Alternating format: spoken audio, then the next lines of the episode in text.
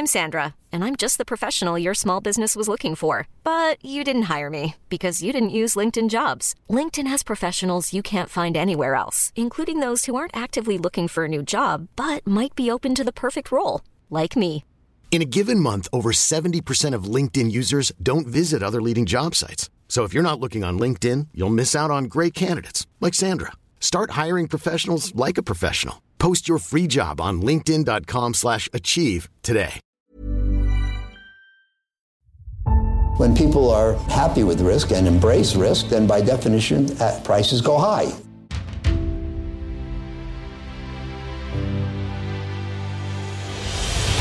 When the cycle turns down, they generally sell at prices that are far too low. This is not about getting more information. We live in a world where we have too much data. I'm uh, happy to report another stable quarter. Hallå och välkomna till det näst sista avsnittet av Aktiesnack innan vi tar sommaruppehåll i juli. Det här är en podd som görs av och i samarbete med Kalkyl och eh, den som leder podden är jag, Magnus Skog och Peter Westberg. Idag kommer vi att prata lite spaningar på börsen och även gå igenom mitt största innehav, Grodno. Men eh, har du sett något intressant på börsen på senaste tiden Peter? Jag har väl följt lite statistik på bear markets framförallt och sen har jag även noterat eh, att till exempel Netflix gick ut i torsdags med att de säger upp ytterligare 300 anställda och den tyska e-handelsjätten Zalando kom ut med vinstvarning i torsdags och anledningen till det var ju samma som alla andra bolag som har vinstvarnat, det vill säga makroekonomiska faktorer. Och tidigare var guidance för deras GMV-tillväxt på mellan 16 till 23% och nu minskar de det till ett intervall på mellan 3 och 7%. Och guidance för revenue var tidigare mellan 12 och 19% i tillväxt och det förväntas nu landa mellan 0 och 3%. En intressant observation här också är att de bibehöll guidance i första kvartalsrapporten för 2022 som publicerades 5 maj och att de nu sänker guiden så pass kraftigt. Och det här har ju varit lite återkommande bland flera bolag att man vid publicering av Q1 fortfarande var ganska optimistisk för att kort därefter då revidera ner guidens ganska kraftigt. Till exempel också Target som jag nämnde i podden, eh, jag tror det var i avsnitt 8. Det är en av de här amerikanska retail-giganterna som tre veckor efter publicerad Q1 kom ut med vinstvarning.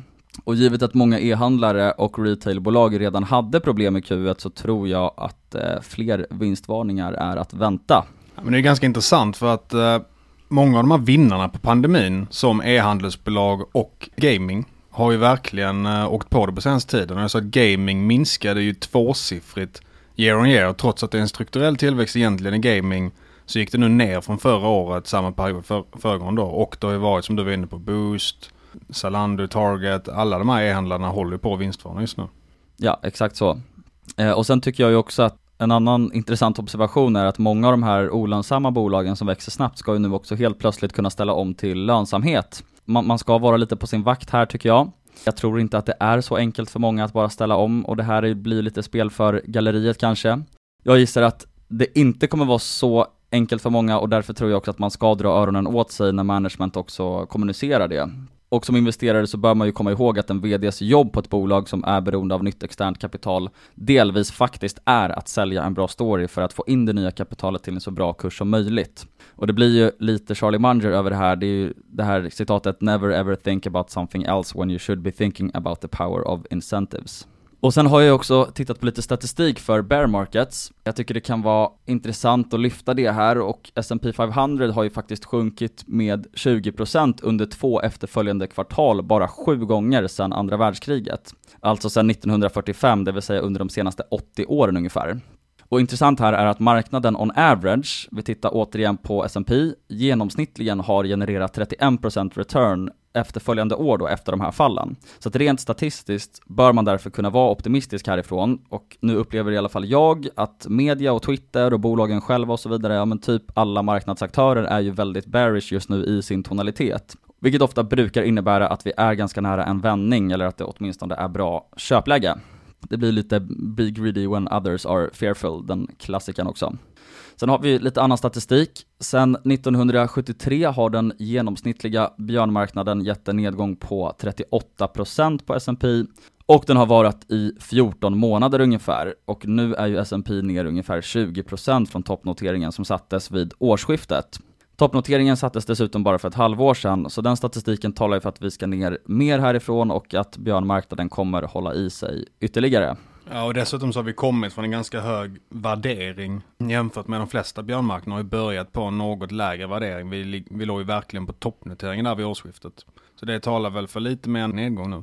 Exakt så, och på tal om värdering så har vi ju forward PE, alltså PE på future earnings 12 månader fram i tiden, som ligger nu både under femårssnittet och tioårssnittet. Så idag har vi Future PE på 16 på S&P och de tre senaste björnmarknaderna som var 2015, 2018 och 2020 bottnade eh, det här PE Future Earnings då på 14 ungefär.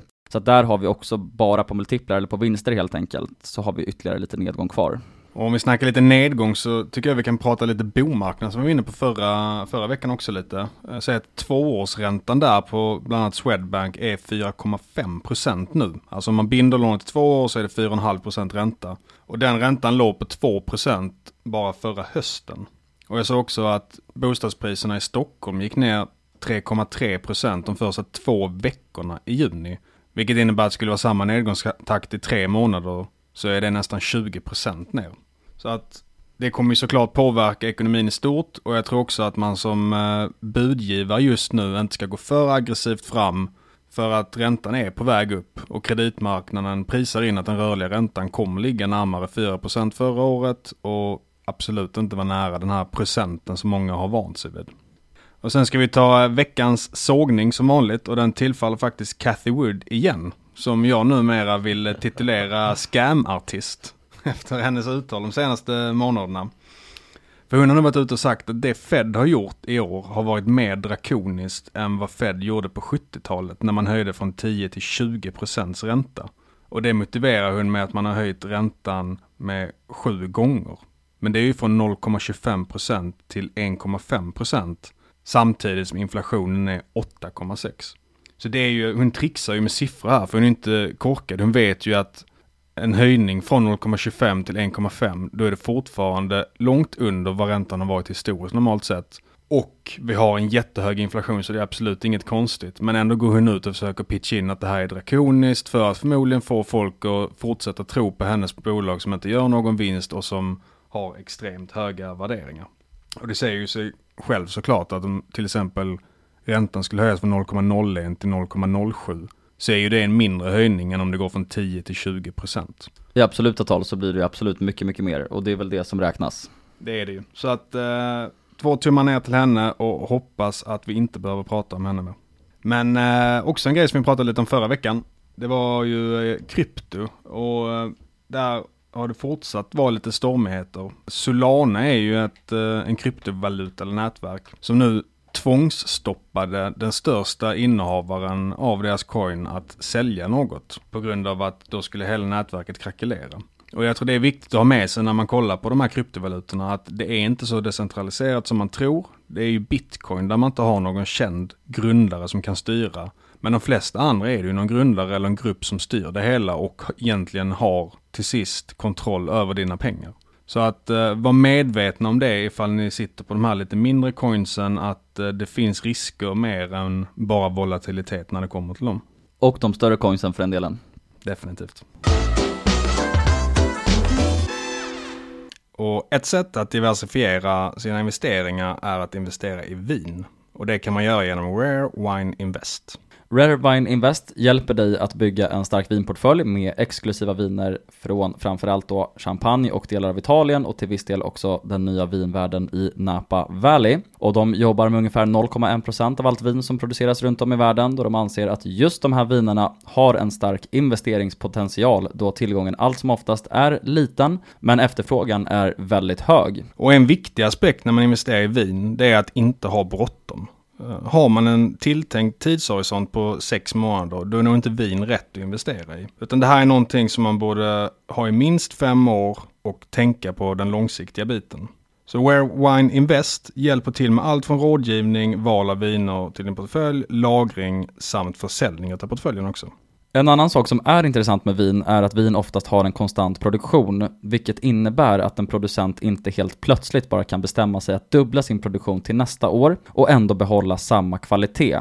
Då efterfrågan för exklusiva viner ökar varje år, där man framför allt då ser ett större köpsug från Asien och i Kina, så gör det här att priserna skjuter i höjden. Så att det är ekonomisk teori bakom det här, alltså utbud och efterfrågan. Och vin konsumeras kontinuerligt och försvinner då från marknaden samtidigt som vinet bara blir bättre och bättre med några års lagring. Så det är andra faktorer till att efterfrågan ökar och således också att värdet ökar. Och en stark fördel för Rare Wine Invest är att de tillhandahåller det enda tullfria lagret inom EU där privatpersoner samt bolag kan lagra sina vin och sprit helt utan att betala moms eller punktskatter. Så vill man lära sig mer om hur och varför vin är en bra investering, då kan man ladda ner Rare Wine Invests investeringsguide på rarewineinvest.se. Och där finns även kontaktuppgifter till det svenska kontoret om man vill komma i kontakt med någon av deras rådgivare. Vi säger stort tack till dagens sponsor Rare Wine Invest. Och nu är det dags för veckans case som är Grodno och även mitt största innehav. Och jag hittade det här caset i februari tack vare Alexander Eliasson, en väldigt duktig och trevlig investerare. Och när jag gjorde det så tyckte jag att det såg ut att vara kanske det bästa caset jag någonsin har hittat på börsen. Sen har det hänt lite grejer sen dess som har varit negativa för aktien, men jag gillar fortfarande caset starkt. Och Grodno är då en återförsäljare av material som används inom byggnadslösningar, som exempelvis eh, belysning och kablar och ventiler och så vidare.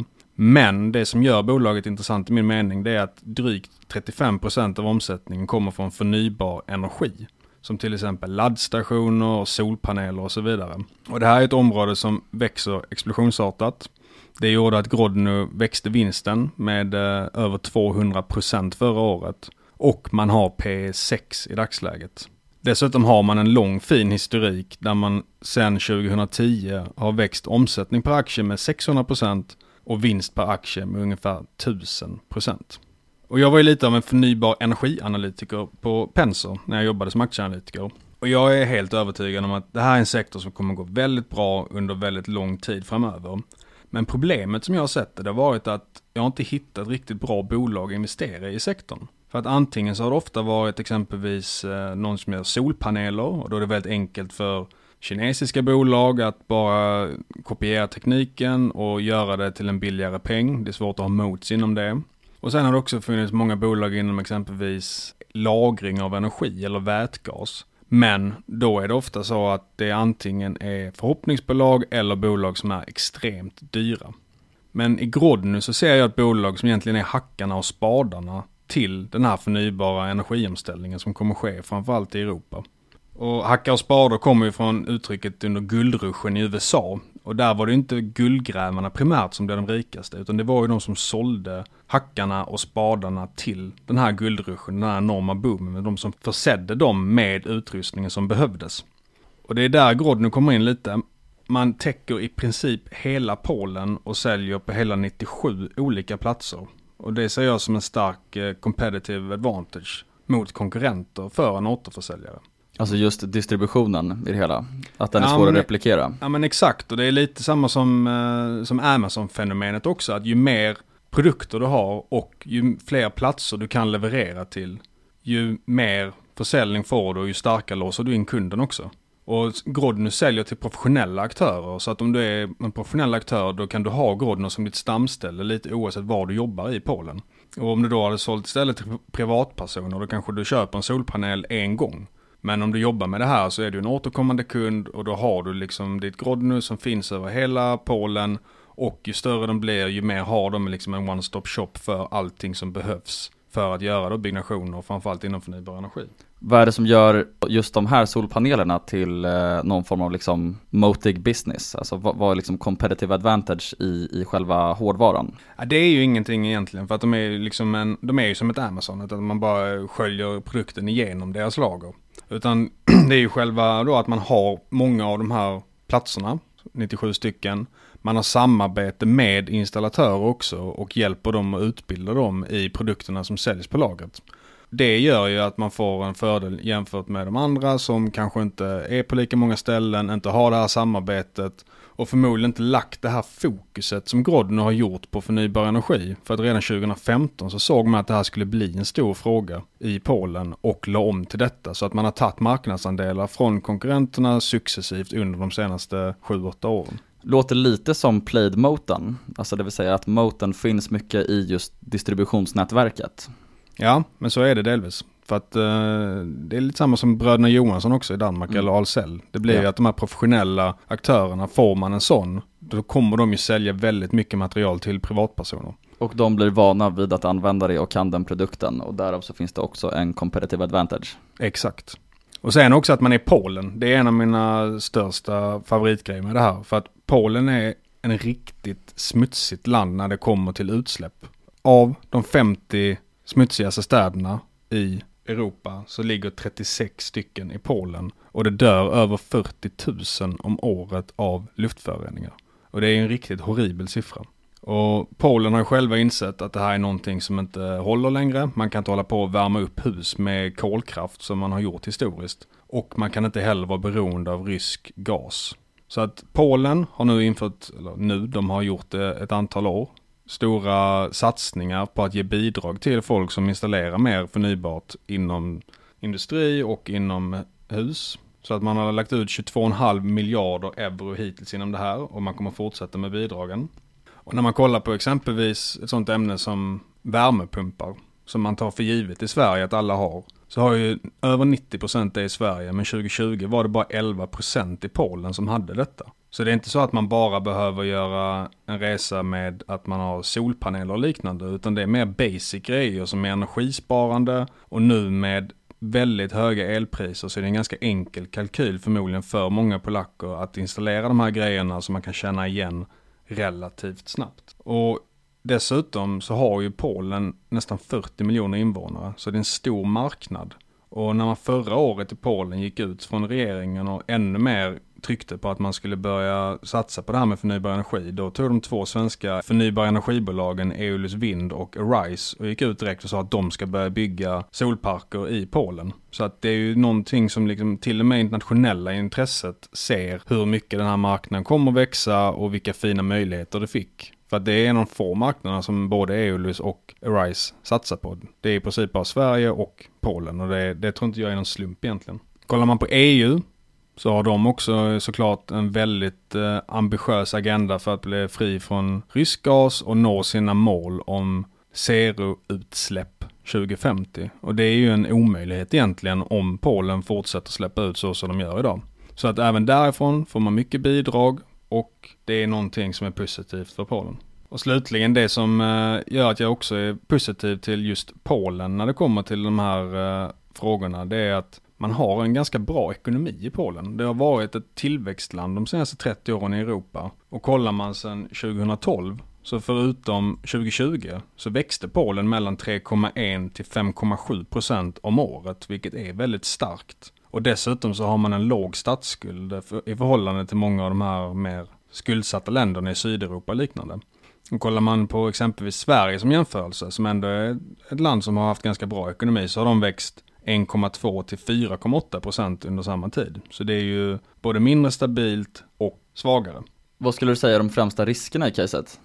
Jag tror att många kan överskatta en risk och det är eh, Rysslands invasion av Ukraina, att det skulle kunna ske. Jag, jag har grävt lite i det och dels är ju Polen ett NATO-land, så redan där blir det väldigt osannolikt att det skulle ske. Dels går det jättedåligt för Ryssland i Ukraina, så att de vill förmodligen inte starta ett nytt krig. Och sen så den stora rationalen varför Putin har gått in i olika länder har ju varit för att han säger att han vill befria rysk befolkning i eh, olika länder. Till exempel Ukraina har ju en stor rysk befolkning. Och det har exempelvis Lettland också. Men Polen har inte det. När jag kollade på hur det ser ut på den fronten så är det faktiskt fler ryskättlingar som bor i Tyskland än vad det är i Polen. Så jag tror snarare att det är någonting som kommer göra att Polen inser att de kan inte vara beroende av rysk energi och öka omställningen och kanske till och med vara lite nettopositivt för Grodno. Men en risk som däremot jag tror är stor och betydande och varför jag inte är riktigt lika positiv till caset som jag var i februari, det är räntan och råvarupriserna som har gått upp. Och det leder ju till att konjunkturen för bygg, som ändå är 65% av verksamheten idag, kommer förmodligen gå sämre framöver. Stålpriser till exempel har gått upp väldigt mycket och det är en stor insatsvara. Och man har ju sett lite på löpande band hur olika projekt inom bygg runt om i Europa har lagts ner under året på grund av att man inte har fått ihop kalkylen helt enkelt. Så att det gör att jag till och med tror att det skulle kunna bli så att Grodno kommer ha en negativ tillväxt nu under något kvartal. Inte nödvändigtvis, men det kan bli så. Men med eh, P6, historiken och de långsamma drivkrafterna så, eh, så ligger jag ändå i som ägare långsiktigt, även om jag inte brukar göra det när det är ett sånt läge som det är. Så, så tror jag så mycket på den här förnybara energiomställningen att jag väljer att ligga kvar i Grodno ändå. Jag håller med om att businessen känns väldigt spännande, men hur ser ägarbilden ut? Det är ju en grej som jag värdesätter väldigt mycket som du vet om. Ja, den är ju jäkligt bra. Den är 63% right. insiderägande. Okay. Och det är inte många bolag som kan uppvisa det. Och sen om man tittar på kompetensen i ledningen så många på de ledande positionerna har varit där länge. Och det är ju de här personerna som såg egentligen 2015 var vi var på väg med förnybar energi och utsläppsmål och global warming och liknande och ställde om företaget så att man började sälja mer av den typen av produkter. Så att det är stjärna i boken i kompetens för den delen och för insiderägaren tycker jag. Är det grundarlätt? Det är det. Det är en uh, familj som egentligen uh, har varit med och, och drivit det under lång tid nu. Utöver det, liksom, är det några stora institutioner som har kommit in? Jag kan tänka mig att det är lite mer komplext att ta size i ett polskt bolag och det, jag var lite intresserad också av hur du har köpt aktier i det här bolaget för jag misstänker att det inte går att handla via Avanza eller Nordnet. Det går inte att handla via Nordnet. Eh, det finns inga institutioner vad jag vet som har fått upp ögonen för det. Det som jag handlar genom, det har varit dels att jag har ringt in till eh, Avanzas eh, mäkleri och handla, men då är det 750 kronor i courtage. Så det som är bättre att göra egentligen, det är att köra genom DeGiro, som är en europeisk stor nätmäklare som har handel på de flesta marknader i Europa. Och där är courtaget ungefär samma som det är när du handlar normal aktie på Avanza. Så att eh, det är där jag har lagt det flesta. Så jag har faktiskt öppnat upp konto på DeGiro bara för att köpa det här bolaget. Men eh, sen om man kollar också på marginalen så tycker jag att den borgar lite för att det skulle kunna bli en av Petter Hedborgs eh, legendariska trestegsraketer. Man har vinstmarginal på knappt 4% idag. Och med skala så borde man kunna komma upp högre tycker jag. Om man jämför exempelvis med de här danska bröderna Johansson så har de 5,5% och det finns andra återförsäljare av den här typen av material som ligger betydligt högre.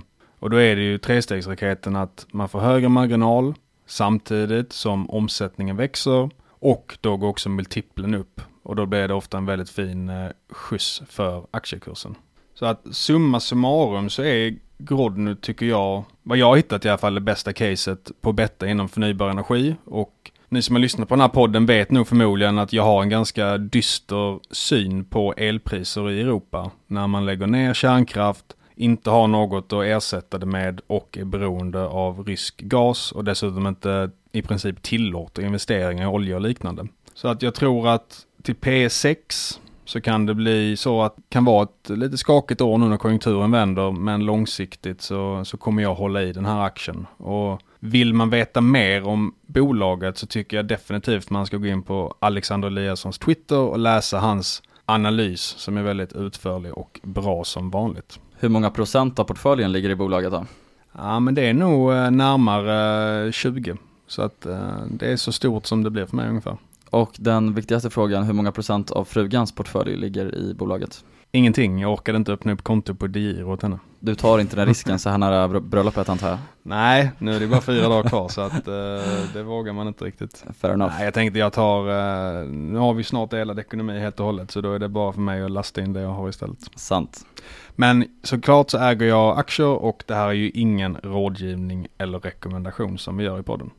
Så eh, ska man sammanfatta dagens avsnitt lite så är det ju fortsatt lite stökiga tider för de här eh, pandemivinnarna. De eh, tar och säger upp personal, de kommer med vinstvarningar och mycket av frågan när pandemin kom var ju hur mycket av det här kommer vara en effekt som ligger kvar. Folk fattar ju att man inte skulle fortsätta köpa tio rullar toapapper om dagen. Men skulle folk liksom börja kontinuerligt spela mycket mer dataspel och liknande? Och svaret där verkar faktiskt bli lite att det är en återgång till det normala. Nu, nu när folk blir utsläppta så vill de istället ut och resa och göra de gamla aktiviteterna istället. Så det är ju någonting som är värt att ha med sig.